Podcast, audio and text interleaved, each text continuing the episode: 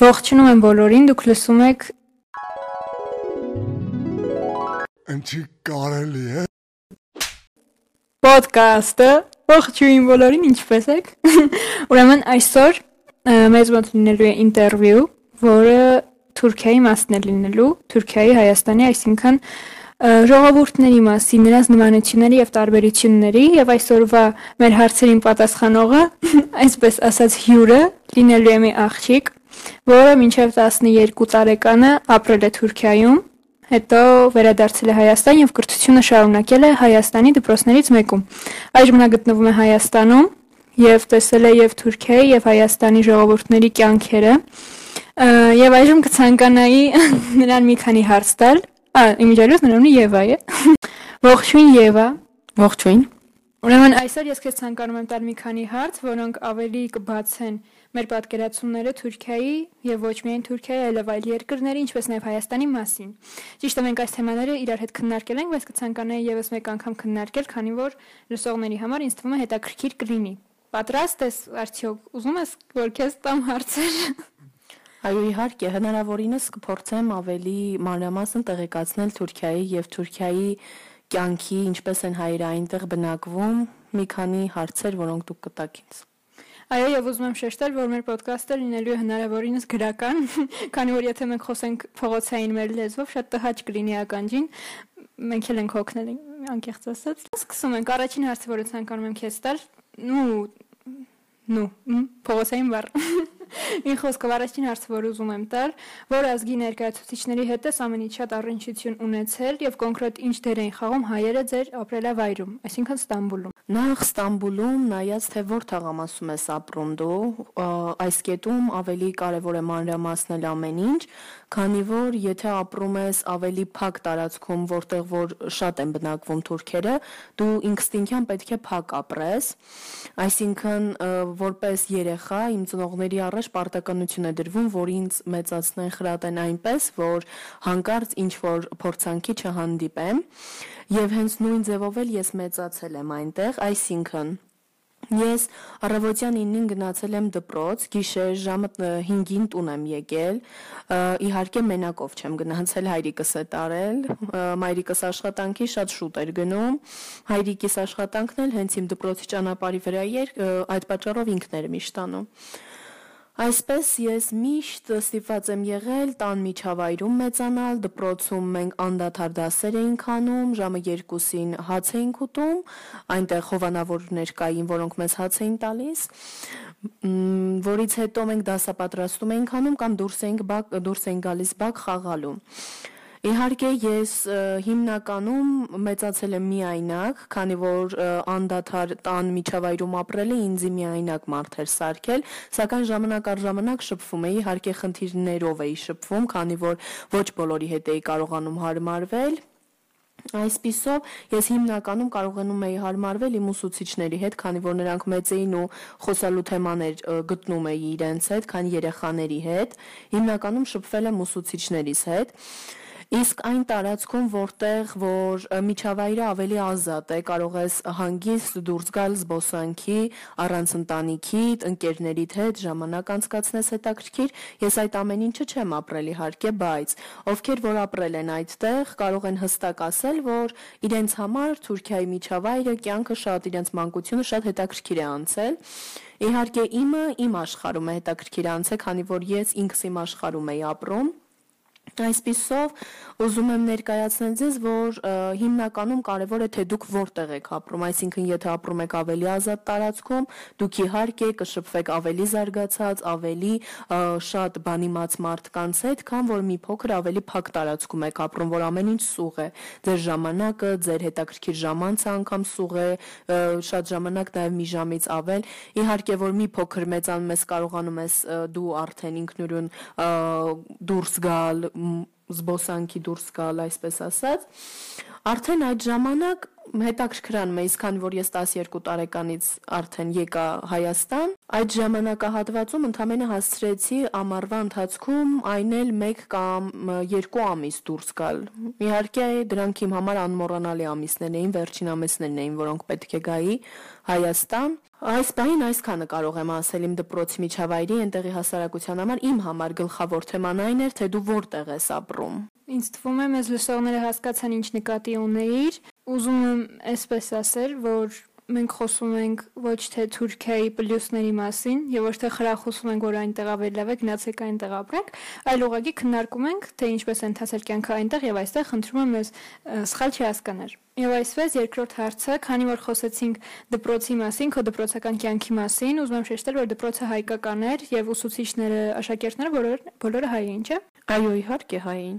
Ու երկրորդ հարցը, ինչպես էր ընթանում դպրոցական կյանքը, որոնք են հիմնական առանձնահատկությունները համեմատած հայկական դպրոցների հետ։ Որոնք էին առանձնահատկությունները այնտեղ եւ այստեղ։ Նախ պետք է շեշտեմ, որ այնտեղ գումարով դպրոց էր, ես գումարով էի այնտեղ սովորում եւ հիմնականում այնտեղ ամեն ինչին ուշադրություն էին դարձնում։ Մենք ոնց որ շեշտեցի եւ մենք դասապատրաստում էինք անում այնտեղ, այսինքն մենք հնարավոր չէր, որ առանց դասը պատրաստվելու դպրոց մտնեինք։ Մենք ամեն դաս պարտաճանաչ պատրաստվում էինք, իհարկե կային, որ չէինք կարողանում պատրաստվել այդպիսի դասեր կային, Հիմնականում չենք պատրաստվում, երկուս ենք ստանում, դա էլ parza, բայց ավելի պարտաճանաչ, ավելի կանոնավոր էր, քան Հայաստանում, սակայն թերությունները նրանք էին, որ բուշկետ, ֆիզկուլտ սրահ, չէ՞, ֆիզկուլտ Ֆիզկուլտ զալ մեզ բոլորիս համար հասկանալի լեզվով Հա։ Այդպիսի բաներ չկային։ Ունեինք բակ, մեզ շատ հոգեհարազատ նկարներով պատերին, կարուսելներով, փոքրիկ կարուսելներով մանկական, բայց մենք տեղից սուղում ենք անպայման։ Այդքանն էր առանձնահատկությունները հիմնական ուսուցիչները մեր հետ շատ ջերմ ու սիրով էին վերաբերվում վերաբերվում ջերմեռանդ էին մեր նկատմամբ ու այնտեղի առանձնահատկությունները ավելի շատ առավելությունները նրանք էին, որ հովանավորում էր դպրոցը հովանավորվում էր ինչ որ մեկի կողմից եւ իսկ այդ ինչ որ մեկը ով էր հայեր, թուրքեր, Թուրքիայում Թուրքիայում ապրող հայեր էին հովանավորում էին եւ մենք կարելի ասել ես համարյա իմ ոնց ասեմ, այսպես գնացել եմ ես վոլեյբոլի, բասկետբոլի, նկարչության, հետո բարի, դաշնամուրի ամեն բանի համարյա մասնակցել եմ, գեղարվեստական բարի, դա էլ շեշտեմ։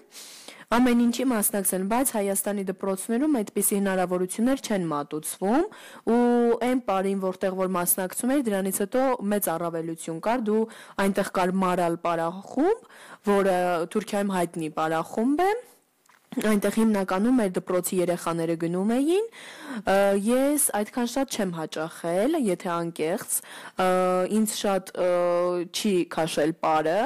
ես ոնց որ ինքսի մեջ գտա, որ բարը իմը չի, այսպես ասած, նկարչությունն է իմը եւ այլ այլ բաներ։ Այդ պատճառով ես դուրս եկա, սակայն այնտեղի առավելությունները ավելի մեծ են հովանավորների շնորհիվ, այսպես ասեմ, դպրոցի շնորհիվ։ Դրա համար առավելություններ մեծ են, այստեղ այդպիսի առավելություններ ես չեմ տեսել։ Ինձ թվում է բոլորին էլ հայտնի է, որ հայերը հայ մարդիկ, այսպես ասեմ, օտար երկրներում ավելի լավ են իրենց դրսևորում, քան իրենց հարազատ երկրում, Հայաստանում իրենց հայրենիքում, եւ ինձ թվում է ամեն ինչ པարզ է թե ինչու էր այնտեղ այդպեսի լավ հովանավորում ընթանում։ Երորդ հարցը, որ ուզում եմ տալ, սովորում էին արդյոք այլազգի երեխաներ, ինչու ոչ թուրքեր ձեր հայկական դպրոցում։ Եթե ոչ, կար արդյոք շփման ուրիշ հարթակ, որտեղ կարելի էր նոր ծանոթություններ հաստատել թուրքերի ուրիշ ազգի ներկայացուցիչների հետ։ Իհարկե ոչ, չէին սովորում։ Մենք սովորում էինք եկեղեցու ներսում, հենց ինքը եկեղեցի էր, եւ այնտեղի տնորեն այսպես ասած մեր տնորենը դպրոցի տնորենը հենց այդ եկեղեցու տիրոջը թույլատ տիրոջից թույլատվություն էր խնդրել որպեսզի մենք այնտեղ սովորեինք եւ մեր այնտեղ երկար ժամանակ սովորելը հարցականի տակ էր դրված հիմնականում դրա համար միջև 9-րդ դասարան են սովորում Մեր դպրոցում թուրքերենը անգամ արգելվում էր խոսել, մենք չէինք խոսում թուրքերեն, մենք չէինք հաղորդակցում միմյանց հետ թուրքերեն, դա հենց པարզ արգելվում էր, մեզ թույլ չէր տրվում խոսել, սակայն դպրոցից դուրս մենք շփվում էինք թուրքերի հետ, շատ հաճելի ժամանակ էինք անցկացնում առանց որևէ թշնամանքի, որևէ վիրավորելու, այսպես ասած, թշնամանք չկար էլի մեր մեջ։ Մեր հետ շատ լավ հոգատար ձևով շփվում էին մեր հարևանուները ամբողջությամբ թուրք էին։ Ամեն դժվար ժամանակահատվածում մեր կողքին էին լինում։ Կարևորություն էր արդյոք թաքցնել հայ լինելը։ Այսինքն ունեիր կամ ունես թուրք ընկերներ, նրանք գիտեն, որ դու հայ ես։ Իհարկե մեր բոլոր թուրք ընկերներում հետ որ ես շփվել եմ, բոլորի իմացել եմ, որ ես հայ եմ։ Մ, Նախորդ ասածից մեջ էլ շեշտեցի, որ նրանք գիտեին, որ ես հայ եմ ու շատ սիրով էին շփվում իմ հետ։ Իհարկե, եթե ժարգոնային բարբառով ճորթաշ-ճորթաշ չես խոսում, այսպես ասեմ, որովհետև Ճիշտ խոսելաձևը, ճիշտ պահվածքը իհարկե ամեն տեղ է կարևոր, միայն Թուրքիայում չէ առանձնահատկություն չի ներկայացնում իրա, Իրանից, որ Թուրքիայում ես պետք է այսպես խոսես, այնտեղ ես պետք է այնպես խոսես, դա այդ, այդքան է կարևոր չի։ Նայած թե քեզ ոնց ես պահում ու մենակ դա էլ չէ քանի որ մեր ամբողջ հարև- հարևանուհիները շեշտեցի, որ թուրք էին, իրանք իրենք բոլորը գիտեին, սակայն կար ընտանիք, որտեղ ընտանիքի 3-4 անդամը մեզ շատ էին սիրում, սակայն մեկը շատ հայրենասեր էր, այսպես ասած, ը, կարելի ասել ատելուչափ զզվում էր մեզնից, սակայն իրեն պահում էր միայն այն հանգամանքը, որ իր ընտանիքի անդամները թույլ չեն տալիս, որ ինքը ինչ որ սխալ վերաբերմունք ցույց տա մեզ մեր նկատմամբ։ Իհարկե կային ճշնամական վերաբերմունքներ շատ ժամանակ անգամ, որ փորձեն քո հանդեպ սխալ ինչ որ բան անել։ Իհարկե կային։ Այո։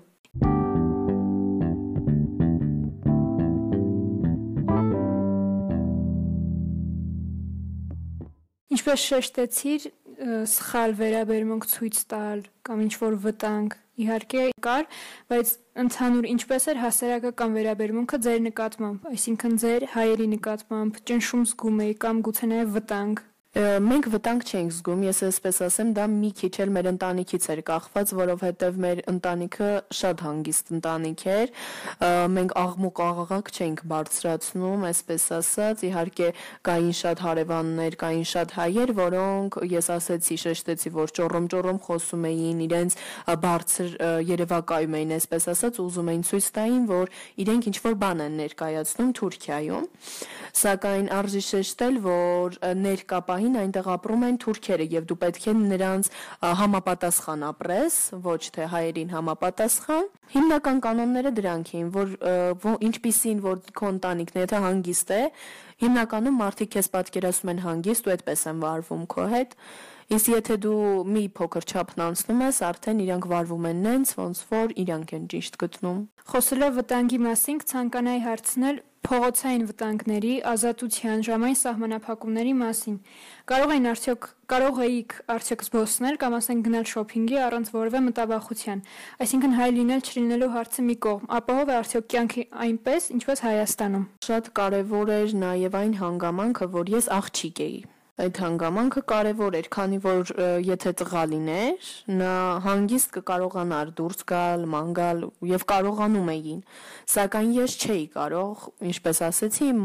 ծնողների առաջ պարտականություն կար ինձ պահել, մեծացնել, այն էլ Թուրքիայի պայմաններում ու մեր ապրած տարածքի համեմատ մենք մի փոքր դժվար դժվար էինք հարմարվում այնտեղ, այսպես ասեմ։ Հիմնական խնդիրն այն էր, որ ես աղջիկ էի եւ ես չէի կարող դուրս գալ, ազատ զբոսնել կամ ինչ որ շոփինգի գնալ, դա բացառվում էր։ Ես ընդհանրապես կարող էի մեր կողքի բուտկան գնալ, այսպես ասած։ Այսինքն համենայն դեպս Հայաստանում ավելի ազատ է, ու կոնկրետ աղջկա համար, քան Թուրքիայում։ Հա, իհարկե, ես երբ որ նոր եկել էի այստեղ, ես իմ ազատությունը գտել եմ այստեղ, այսպես ասած, իմ ամենաուրախալի տարիներն էին Հայաստանում։ Ես իմ ամբողջ ազատությունը, ամբողջ sense, որ ես տանն եմ մնացել, իմ երանդը պահել էի իմ մեջ եւ երբ որ եկա Հայաստան, ամբողջությամբ կարողացա դուրս հանել։ Դրա համար այո Հայաստանում ավելի ապահով ես զգում քո հայրենիքում, քան օտարտեղ, որովհետև ամեն ինչ Թուրքիայում, հենց կոնկրետ Թուրքիայում ուրիշտեղ չեմ ապրել, չեմ կարող ասել, բայց կոնկրետ Թուրքիայում ամեն բան իր սահմանափակումն ունի։ Իսկ ինչպես էր անցնում ձեր առօրյան։ Շատ կարճ եւ կոնկրետ հարց։ Իմ առօրյան անցնում էր առավոտյան 7-ին զարթնելով, հայրիկս գալիս էր, լույսը վառում էր, ես ինքս Տինքյանի մաչկերը բացում էի, կանգնում էի Դեմ ամբողջությամբ ներկայացնում կանգնում էի մի քիչ մտածում էի որտեվ երկար ժամանակ ունեի որ ասենք 8-ին էի զարթնում 9-ին պետք է այնտեղ լինեինք դպրոցի ճանապարհը այդքան էլ երկար չէր բայց կարճ էլ չէր այսպես ասած Այսինքն ամեն դեպքում ձեր հայ լինելը կապված էր ձեր ապրելակերպի հետ այսինքն դուք այնտեղ չէիք ապրում այնպես ինչպես թուրքերը Իհարկե մենք այնտեղ այդպես չէինք ապրում, մենք ասում եմ շատ սահմանափակումներ ունեինք։ Դու մանկություն չվայելես, հասարակ քո հայրենիքում կարող ես հեծանի վարել, այնտեղ դու չես կարող վարել։ Այսինքն դուք ձեր առօրյան կազմակերպում եք այնպես, ինչպես տեղի թուրքերը։ Այո։ Լավ։ Շատ սպառիչ պատասխան է։ Լավ, ուրեմն ավելի լավ է անցնենք հաջորդ հարցին։ Ինչ հետաքրքիր փաստեր կարող ես հիշել թուրք ժողովրդի մասին, որոնք կարող ենք նմանեցնել հայերին։ Այսինքն երկու ժողովուրդները իրար ավելի նման են, թե տարբեր։ Իմ կարծիքով տարբեր են։ Իմ կարծիքով իհարկե սա կարող եմ շատ բարձ օրինակ բերել, օրինակ իրենք շատ ու շատ իրեին սենց չափից շատ ուրشادիր էին հայերի նկատմամբ ու առհասարակ բոլորի նկատմամբ իրենք շատ ուրشادիր են ու շատ հասարակ են իրենք այսպես ասած մեր հայերը իհարկե դա վատաբանելու համար չեմ ասում, դա իրենց կողմանը լավ է, իրենք ճոխություն սիրող են, շատ են սիրում հայերը ճոխություն, սակայն թուրքերը շատ հասարակ են, օրինակ սպիտակ վերնաշապի կարող են հագնել սև տաբատի հետ ու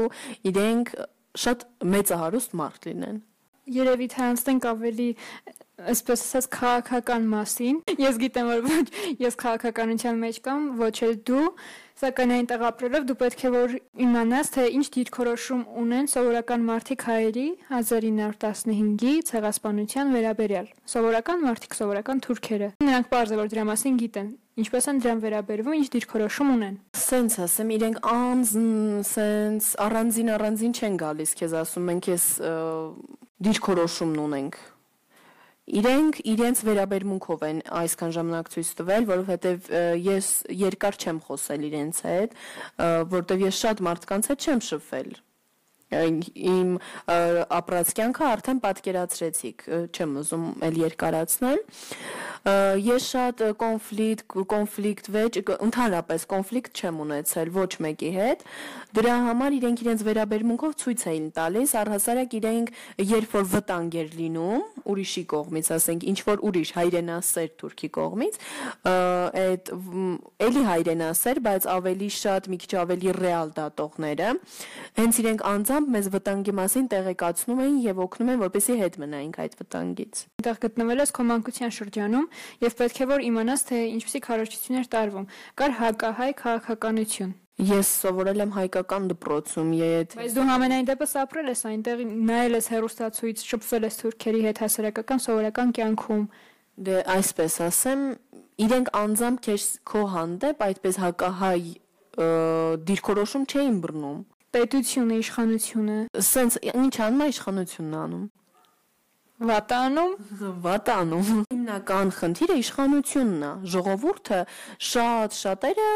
չեն կարող ցայն հանել։ Շատ շատերը ասում են, որ դա մեր խնդիրը չի, մեր նախկիններն են արել եւ մենք ներողություն ենք խնդրում դրա համար։ Հասկանում եք ինչ իրավիճակ է ստեղծվում։ Ամբողջ Թուրքիայում մի տարածաշրջանում եւ տոլերանտ adekvat են լինում եւ ոչ adekvat մարդիկ են լինում։ Եվ վերջում կցանկանայի լսել մասնավորապես քո կարծիքը։ Ինչպես կցանկանայիր տեսնել ապագան այս ցուրտ եւ խափուսիկ աշխարհում։ Մայնց տիպված որ վատաբան։ Ցուրտ ու խափուսիկ։ Այո, ցուրտ եւ խափուսիկ։ Ես իհարկե հույս ունեմ, որ ամեն ինչ լավ կլինի։ Ես իհարկե, այսպես ասած, աղոթողել կլինեմ, որ լավ լինի։ Հասկանում եք, սակայն ամեն բան Հայաստանում իմ կարծիքով միայն իշխանություններից կախված չի, ժողովրդից էլ է կախված, քանի որ հիմա տագնապային վիճակի ու մեծ մասը չի հասկանում ինչ է ուզում, ում է ուզում, երբ է ուզում։ Այսինքն, ինչպես ես հասկացա, դու կողմ ես նրան, որպեսզի երկու ժողովուրդները իրար հետ ապրեն հաշտ ու համերաշխ։ Այո, ճիշտ եմ հասկանում քեզ։ Այո, իհարկե ճիշտ եք հասկանում, քանի որ ըստ իս միայն ու միայն խաղաղությունը կարող է լուծել այս հարցը միայն խաղաղությունը այն խաղաղ ճանապարհով կարող ենք հասնել հաշտության բայց ես տեսնում եմ որ հաշտություն դեռ Այդպես էլ մենք չենք ուզում, դեռ պայքար ենք մղում։ Միայն խաղաղության եզրեր ճանապարհներ գտնել, սակայն, քանի որ քաղաքականությունը ավելի բարդ միջավայր է, այդ խաղաղությանը հասնելու համար լիքը անխաղաղ պահեր պետք է ունենաս, այսպես ասեմ։ Դժվար է այդքան հեշտ խաղաղությանը հասնել, բայց անհույս չենք։ Վստահ եմ, որ մենք անհույս չենք, բայց Ռուսը ինչու՞ է մեղավոր։ Ես ռուսին չեմ մեղադրում, պարզապես ես ասում եմ ըստիս ամեն ինչ մեր ժողովրդից է։ Մի խոսքով Ես ցանկանում եմ եզրափակել այս քաղաքական թեմա, որովհետև այն մեր վրայով չէ, եւ ուզում եմ ասել, որ քաղաքականությունը մի կեղտոտ վայր է, որտեղ ուղղակի չպետք է քո քիթը խոցես։ Պետք է դու ապրես քո սեփական զարգացման, քո սեփական գաղափարների զարգացման համար եւ ինչպես վերջում կեզրափակի մեր Յուրի Քույրիկը, Այո, բարև ձեզ։ Դե, ստեսություն ձեզ, հուսամ կարողացա ներկայացնել ամեն բան Թուրքիայի մասին, իհարկե կլինեն շատ մարդիկ, որ ավելի հետաքրքիր, ավելի ճոխ բաներ կներկայացնեն, սակայն ուզում եմ հիշեցում անել, որ ես կողմնապահություն չեմ անում, ես իմ մանկությունը ամբողջ անցել է այնտեղ եւ ես բնականաբար այնտեղի սովորույթները, այնտեղի իմ ամբողջ մանկության մեծ մասը անցկացրել եմ այնտեղ եւ ուզում եմ ասել, որ իհարկե իմ հայրենիքը իմ համար ուրիշ է եւ վատաբանելու ոչինչ չլինի սա ուղակի parzabanum էր Թուրքիա-Հայաստան հարաբերությունների մասին։ Այո, ես ցանկանում եմ շնորհակալություն հայտնել մեր ճագերտը, որ ասաց Յուրին Եվային Մկրչյան, ինչ վերաբերվում է ձեզ, ցանկանում եմ ասել, որ սա ընդամենը մի քննարկում էր եւ մենք արտահայտում ենք մեր կարծիքները։ Հուսով եմ, որ ինչ որ ձևով կարողացանք ձեր հարցերին պատասխանել եւ հուսով եմ, որ այս podcast-ը ձեզ հետաքրքիր էր։ Այսօրվա համար երևի թե այսքանը։ Շնորհակալություն եւ եթե ցանկանում եք մեզ գտնել, ապա ուղղակի այցելեք մեր Instagram-ներ։ Ստեսություն ամենայն բարին եւ վերջում ձեզ համար կերքի մեր հյուրի քույրիկը։ Լա լա լա լա լա